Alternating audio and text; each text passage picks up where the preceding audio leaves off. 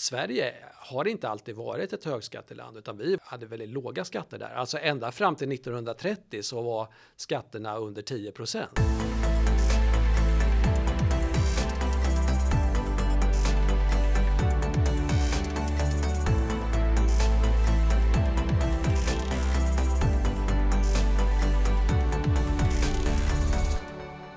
Välkommen till Uppskattat, en podcast från Skattebetalarnas förening. Dagens gäst är Anders Bergeskog. Han är nationalekonom med över 20 års erfarenhet av verksamhetsutveckling och utredningsarbete, inte minst inom riksdagsförvaltningen. Våren 2019 kom han ut med boken Sveriges väg till högskatteland som beskriver hur Sverige kunde få OECDs fjärde högsta skattetryck. Varmt välkommen till Uppskattat Anders. Tack så mycket. Eh, hur kommer det sig att du blev nationalekonom? Ja, det är faktiskt, man skulle kunna säga att det blev en, något av en slump. Jag, jag hade jobbat med försäljning och marknadsföring i ett antal år och ehm, eh, skulle läsa vidare på eh, ekonomprogrammet i Uppsala och så jag tänkte jag läser väl eh, in, med inriktning med försäljning eller marknadsföring var det då på, som en del av programmet där. Och då läser man ju alltid första året eh, en termin företagsekonomi, en termin nationalekonomi. Och eh, jag visste nog inte ens vad nationalekonomi var om jag ska vara riktigt ärlig. Mm. Men det var mycket matte och analys, vilket jag gillar då. Så att jag tänkte jag fortsätter med det här istället. Det var mycket roligare. Ja, ja. Du blev biten. Ja, jag blev biten. Ja, ja. Roligt. Och det märks när man, när man läser din bok. Den är fantastiskt intressant och mycket läsvärd vill jag säga till er lyssnare som inte har läst den än. Eh, du jobbade länge på riksdagens utredningstjänst och för den som inte vet, vad är riksdagens utredningstjänst eller som det i vardagligt tal brukar kallas RUT? Vad är det för något? Ja, det är en funktion då, en opolitisk funktion inom riksdagsförvaltningen där de olika eh, partierna i, i riksdagen, kanslierna, kan ställa frågor och lägga uppdrag eh, för beräkningar och jämföra med andra länder och utreda olika eh, frågor. Lite kortare utredningar då handlar det om. Men också framförallt då riksdagens ledamöter. Mm. Eh, nu har det väl kommit att bli mer, mer och mer partikanslierna som, som blir de praktiska frågeställarna. Men, men båda de två kunderna så att säga har man då som utredare där. Just det, RUT tar fram och underlag till partier och riksdagsledamöter som ja. kan fatta informerade och kloka beslut. Ja, just det. Ofta är vi ju ganska tidigt då i den politiska idéformningsprocessen så att säga. Och det kan ju också vara att man eh, gör en alternativ i det alternativa budgetarbetet så där. Man gör alternativa budgetberäkningar och sådana saker. Mm, ja, det låter spännande. Jag minns att under Anders Borgs första tid som innan han blev finansminister utan var ekonomisk talesperson för Moderaterna så hänvisades det ofta till RUT. Oh ja, oh ja. Vanligt.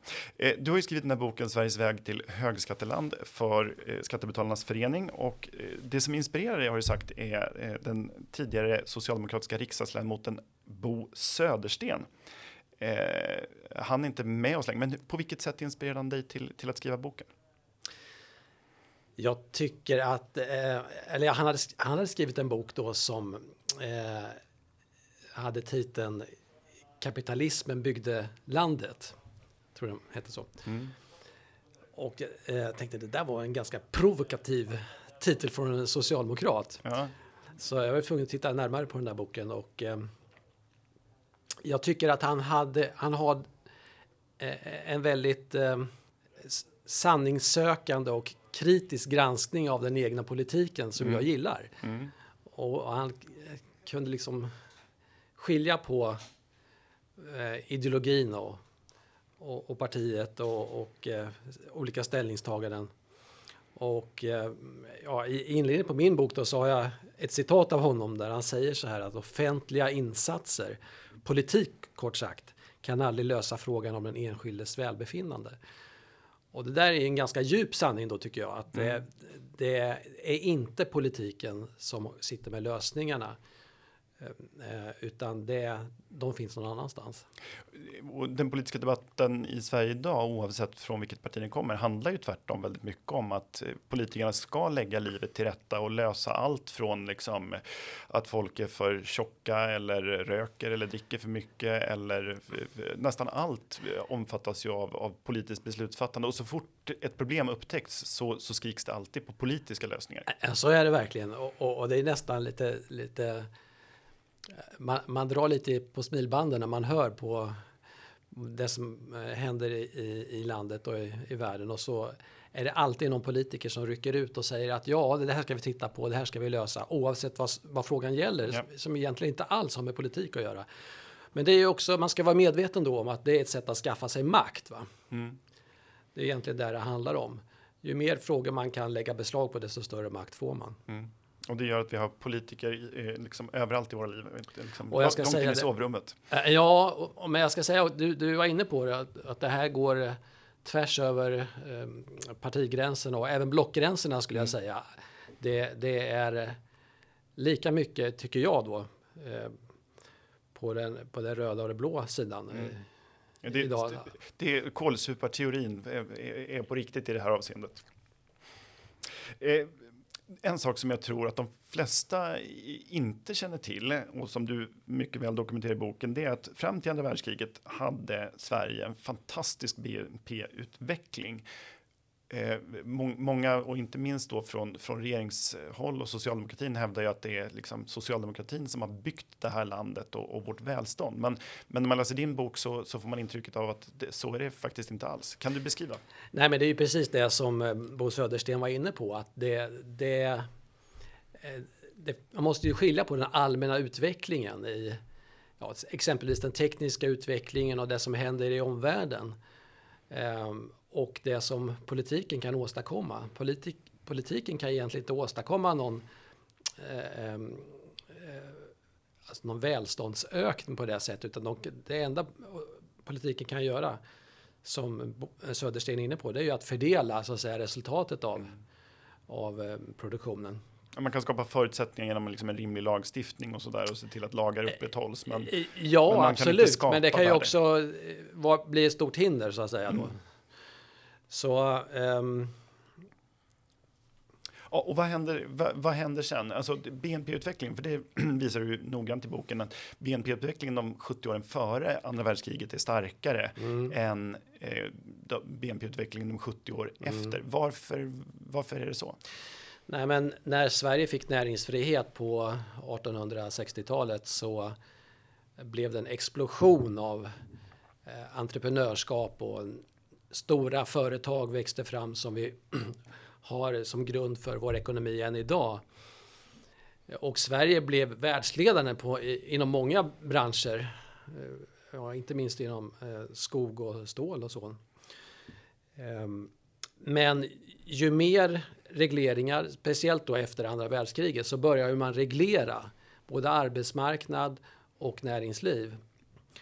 Samt så, eh, börja beskatta både arbete och, eh, och företagande mer. Och det är ju väl belagt att om man ökar skattetrycket med 10 procentenheter så minskar tillväxten med eh, ungefär 1 procent. Yeah. Så eh, det, det är motverkande krafter. Man kan inte både ha en, en stor politisk sektor finansierad av skatter och samtidigt ha en välfungerande arbetsmarknad eller näringsliv. Ja, just det. Staten lägger sig mycket. Och hur kommer det sig att Socialdemokraterna ständigt då under den här perioden när de i princip regerar oinskränkt själva, eh, varför höjer de skatterna?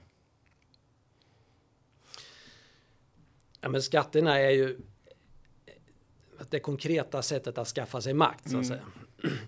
Och eh, eh man ville helt enkelt man hade försökt att eh, socialisera näringslivet mm. redan från start när man kom till regeringsmakten på 20-talet. Man misslyckades med det, men man omvärderade då och sa att vi kanske skulle kunna ta resultatet av produktionen istället. Mm. Det vill säga skatterna. Det näst bästa. Ja, mm. precis. Eh, och med de pengarna bygga en, en politisk styrd sektor istället. Då. Just det, för, för det, man gör flera försök att, att eh, socialisera näringslivet. Om det inte lyckas så höjer man istället kontinuerligt skatterna. Och det sista riktigt stora försöket vi ser är ju då när man försöker lansera de här löntagarfonderna som tack och lov inte blev av. För det hade gjort att vi hade levt på Albaniens nivå idag eller någonting sånt där. ja, nej men det var ju ständigt återkommande kan man säga. För varje ny generation av socialdemokrater så förde man fram det här som en en punkt och försökte verkligen eh, socialisera näringslivet. Men, men eh, även då på 60-70-talet med storföretagspolitiken så var det ett led i det också då. Att man ville ha stora företag och slå ut de små eh, entreprenörerna och, och eh, bara ta de stora företagen för de var enklare sen att socialisera. Just det. Mm. Ja, det är mycket svårare att lägga beslag på en liten målerifirma än en, en, stor, än en stor fabrik. Hur sker då den här stegvisa eh, höjningen av skattetrycket? För det tar riktig fart någonstans vid slutet av 60-talet, eller hur? Ja, det stämmer. Ja, det första steget kan man väl säga var att man eh, införde eh, källskatt, det vill säga att eh, det var inte längre individen själv som skulle betala in skatten för sitt arbete utan det var arbetsgivaren. Det är ett bra sätt att dölja hur mycket man betalar Ja, då gick ju alltså, individerna förbi då på, på, ett sätt, utan det där var redan klart när man fick sin lön.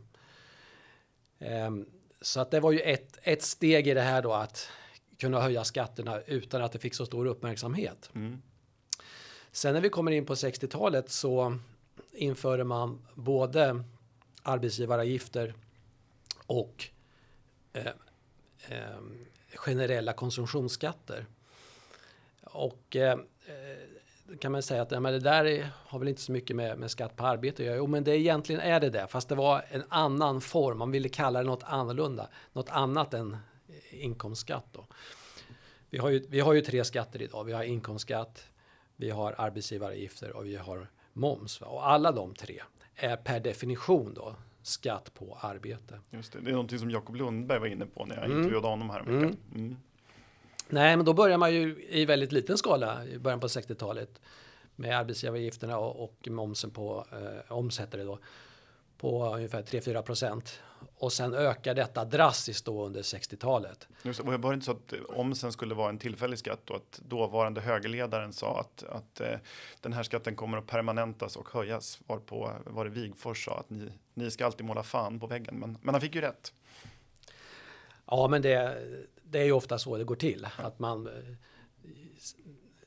eh, börjar med någonting i liten skala och man kanske säger att det är tillfälligt och sen så eh, vänjer man befolkningen på det sättet vid, vid olika pålagor.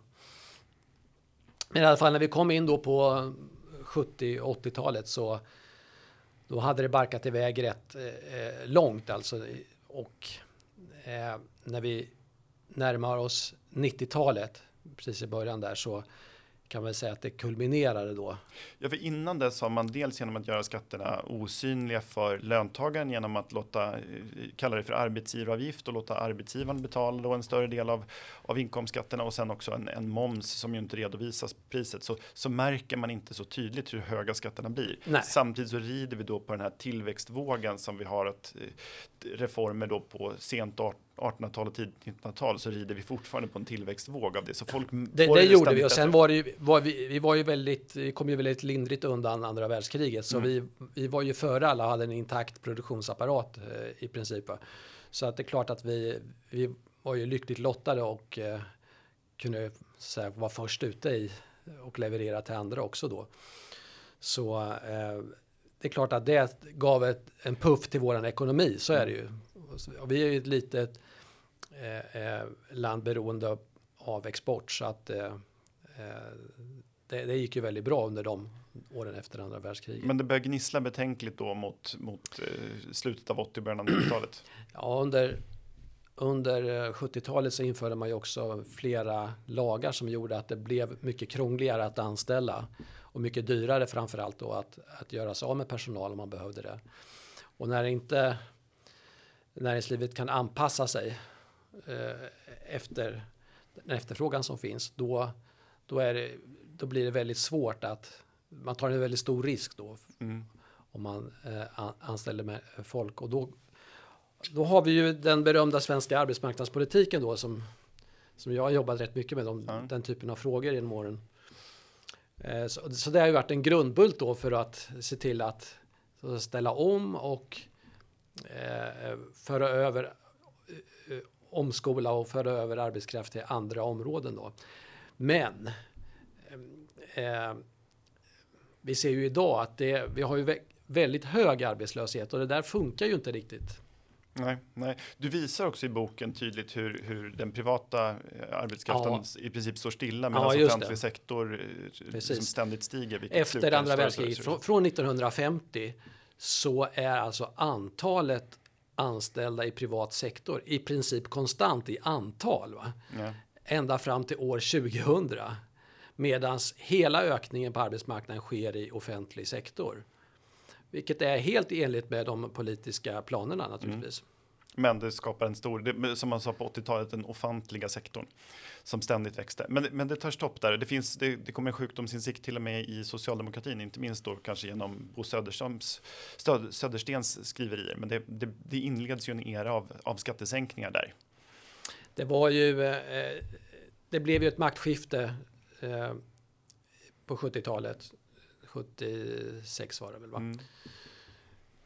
Och man kan väl säga att i och med det så bröts den här snabba ökningen i alla fall av, av skattetrycket.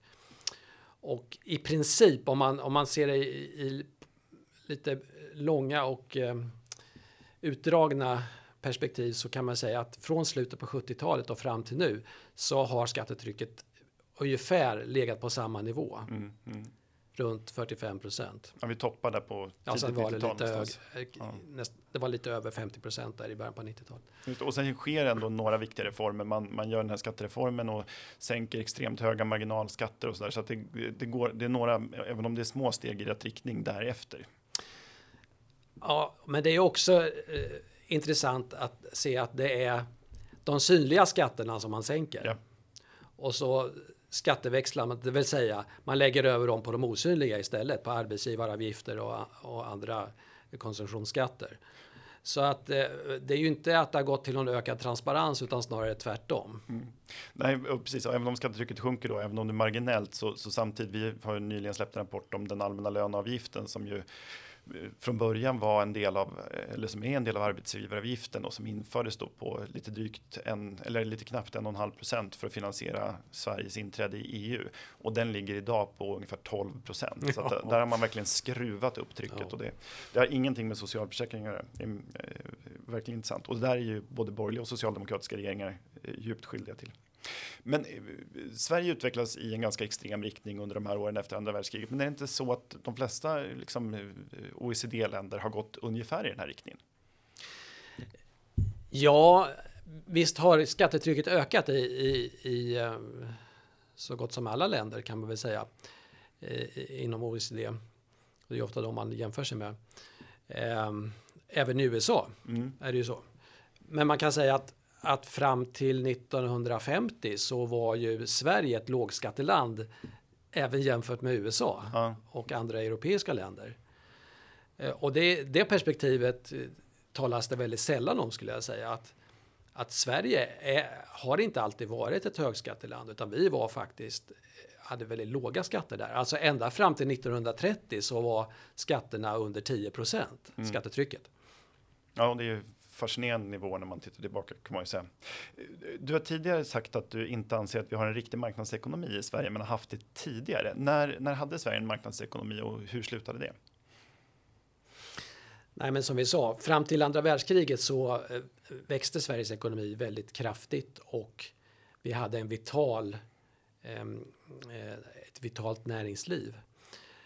Och därefter så skedde eh, både restriktioner då eh, på eh, både arbetsmarknad och eh, näringslivet samtidigt som man byggde ut den offentliga sektorn. Och i och med att den är så dominerande i Sverige så menar jag att man valde ju en väg där efter andra världskriget att inte längre vara en marknadsekonomi utan man ville uttalat vara en blandekonomi brukar man ju tala om då. Men eh, att ä- även idag då, även om det inte syns i den offentliga statistiken, det, då ser det ut som att det är ungefär en tredjedel av anställda i offentlig sektor. Men det som har hänt är ju att eh, offentliga tjänster har kontrakterats ut till privata aktörer som då också eh, gör de här tjänsterna för skattepengar och enligt politiska beslut. Så jag, min uppskattning är att ungefär hälften av arbetsmarknaden fortfarande arbetar för eh, skattepengar och politiska beslut idag. Alltså, ja, de offentliga upphandlingarna omfattar väl idag ungefär tusen miljarder och Sveriges totala BNP ligger på i runda slänga fem. Va? Så att en, en, 20 procent av Sveriges ekonomi är offentliga upphandlingar mm. och där ovanpå kommer då den offentligt drivna just verksamheten. Det, just det. Så att det är en väldigt stor del. Så att eh, Sverige är alltså inte trots, trots eh, allt prat om annat inte en, en nyliberal utopi alltså. Nej, det kan man väl inte säga. Eh, du nämner i boken att socialdemokratiska regeringar då började experimentera med keynesianism och social ingenjörskonst eh, lagom till att ekonomin hade börjat återhämta sig då efter andra världskriget. Eh, vilket gjorde att de här idéerna utvecklas. Va, vad var det konkret som hände? Nej, men när den stora depressionen i slutet på 20-talet eh, spred sig över världen så spred sig också andra ekonomiska teorier. Du nämnde keynesianismen då, Keynes. Och det handlar ju om att politiken behöver gå in och eh, eh motverka eh, svagheter i marknadsekonomin. Det var bara det att när politiken gick in och, och man gjorde, gjorde de första testerna i, i Sverige med Eh, det var beredskapsarbeten och, eh, och lite annat då på 30-talet. Då hade det här redan vänt faktiskt. Men det såg ju ut som att det var politiken som då hade agerat och fått eh, väldigt snabba resultat. Men det är ju oftast sällan så, utan det finns en lång fördröjning när det gäller politiska beslut. Så ofta brukar ju de snarare samverka med de eh, konjunkturskiftningarna då i, i på marknaden mm. som förstärker de här eh, konjunktursvängningarna och, och förvärrar så att säga eh, dem. Så eh, det, det, som hände där var ju att det, det, man fick det att framstå som att det var politiken som hade verkat till ekonomins fördel. Och det gjorde att man kunde fortsätta på det spåret och eh, eh, samtidigt då börja dela ut bidrag till olika potentiella väljargrupper då. Eh, exempelvis eh, barnfamiljer och så här. Mm. Och det är ju en återkommande kritik av keynesianismen just att man just att politiken då tanken är att politiken ska ska motverka ekonomiska kriser inte minst. Problemet är att politiken ofta ser detta för sent eh, och gör saker för sent, gör för mycket och sen har väldigt svårt att stoppa ner verktygen i verktygslådan när när, när det väl vänder därför att man är så eh, oavsett politisk eh, hemvist så är man så intresserad av att interagera i ekonomin och tror sig veta bättre än, än, än den kollektiva marknaden. Mm. Eh, fanns det något reellt motstånd mot det här eh, liksom ständiga, ständigt ökade skatterna och ökade interventionen i medborgarnas liv? Alltså saken var väl den att om man bara presenterar fördelarna, det vill säga om ni röstar på oss så kommer ni att få de här, och de här bidragen eller ekonomiska fördelarna på olika sätt. Men man aldrig då redovisar eh, konsekvenserna, de fulla konsekvenserna, det vill säga de ekonomiska nackdelarna, eh, så eh, blir det ju väldigt svårt att bemöta det där från oppositionen exempelvis, om man inte mm. angriper det på det sättet. Um, och jag skulle nog säga att eh, det, det har varit svårt för borgerligheten att eh, hitta motargumenten mot Socialdemokraternas sätt att introducera sin ideologi då. Mm. Och det eh, hela hjälptes väl upp av socialliberalismen där, att man man tyckte att det här var rätt bra idé där, att man skulle blanda in då skattepengar för att eh, minska sociala klyftorna och öka eh, jämställdheten och så vidare. Mm. Och ett, en, ett, I sammanhanget här så är det ju då eh, klokt, och som vi pratade om dolda skatter tidigare, så är det ju smart av en politiker att hålla eh, hålla det dolt hur höga skatterna verkligen är, men synliggöra transfereringar och bidragsutbetalningar. Det är ett, ett listigt sätt att det verkar som att man får mer för skattepengarna än vad man verkligen får. Jo, men jag skulle säga att ur demokratisk synpunkt så är det djupt problematiskt. Om man, inte, om man bara redovisar fördelarna men inte nackdelarna. Och i den diskussion som finns idag om klimatpåverkan för barn och barnbarn och framtida generationer. På samma sätt så borde man tala om skatters påverkan för kommande generationer och, och eh, lång, på lång sikt. Mm. Och det gör man aldrig. Eh, det är väldigt kortsiktigt. Det är under innevarande budgetår eller mandatperiod och så vidare. Och eh, det är svårt att se att det skulle vara till medborgarnas bästa. Det kan vara till vissa intressegruppers bästa. Eh, men det är också inte ur demokratisk synpunkt så kan det vara djupt problematiskt då om man gynnar vissa grupper i samhället medan andra ska missgynnas. Mm. Precis, och man, man, man, kan säga då att man på ett sätt köper röster. Absolut, ja. det, det, man skulle kunna säga att det blir ett korrupt system. Ja, ja.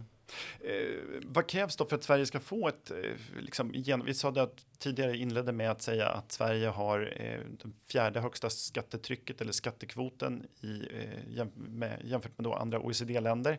Och Sverige ligger idag, hur, hur ser det ut? Hur förhåller vi oss till andra OECD-länder? Minns du det i, direkt ur minnet? Eh, ja, men det, när jag skrev boken så var vi, då hade vi det fjärde högsta skattetrycket då i, i OECD.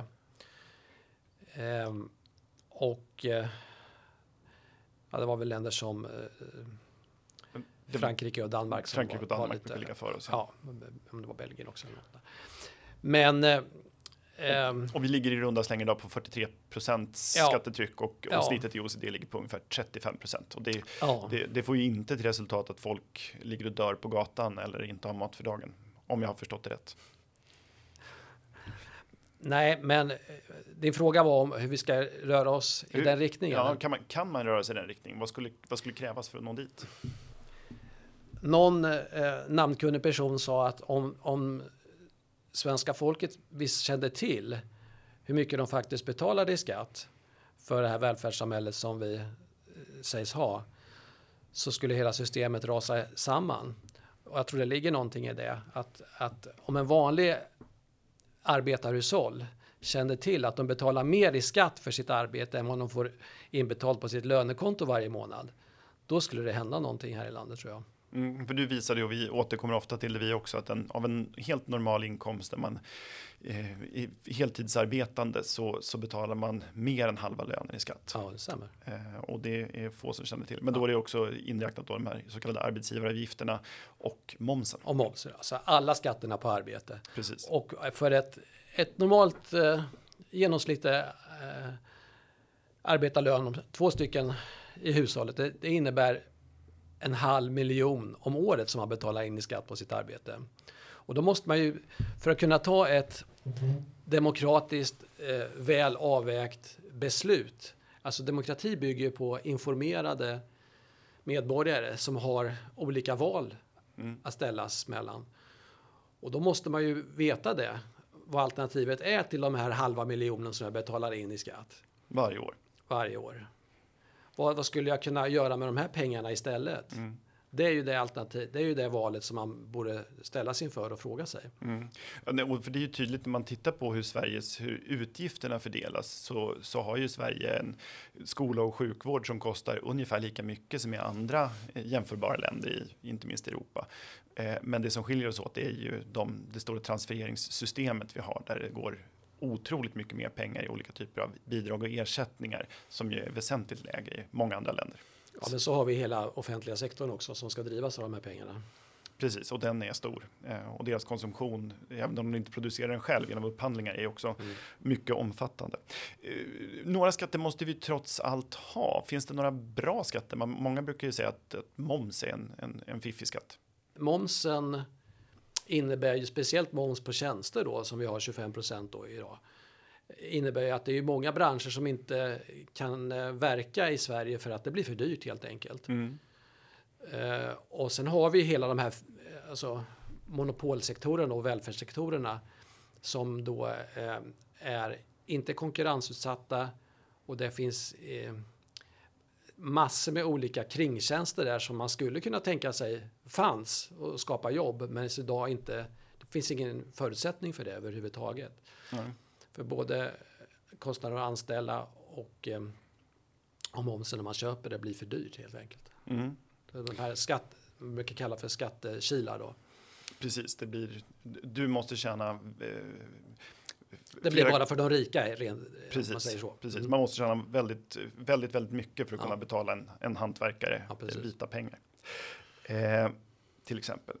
Eh, nu har vi ju nyligen fått se, presenterat en budget, den ännu inte antagen av riksdagen, där man har ett så kallat budgetutrymme på 74 miljarder kronor som är svindlande högt eh, och egentligen bara överträffas av föregående budget och mitt under en brinnande pandemi. Så det verkar ju inte finnas några eh, utsikter för några reella utgiftsökningar på sikt. Men vad skulle du, om du fick önska eller vara finansminister, vad skulle du vilja börja med att åtgärda för att eh, komma framåt mot, mot ett, ett lägre och mer normalt skattetryck? Nej, men det som var, eh, vi var inne på tidigare här då, att synliggöra skatterna för var och en.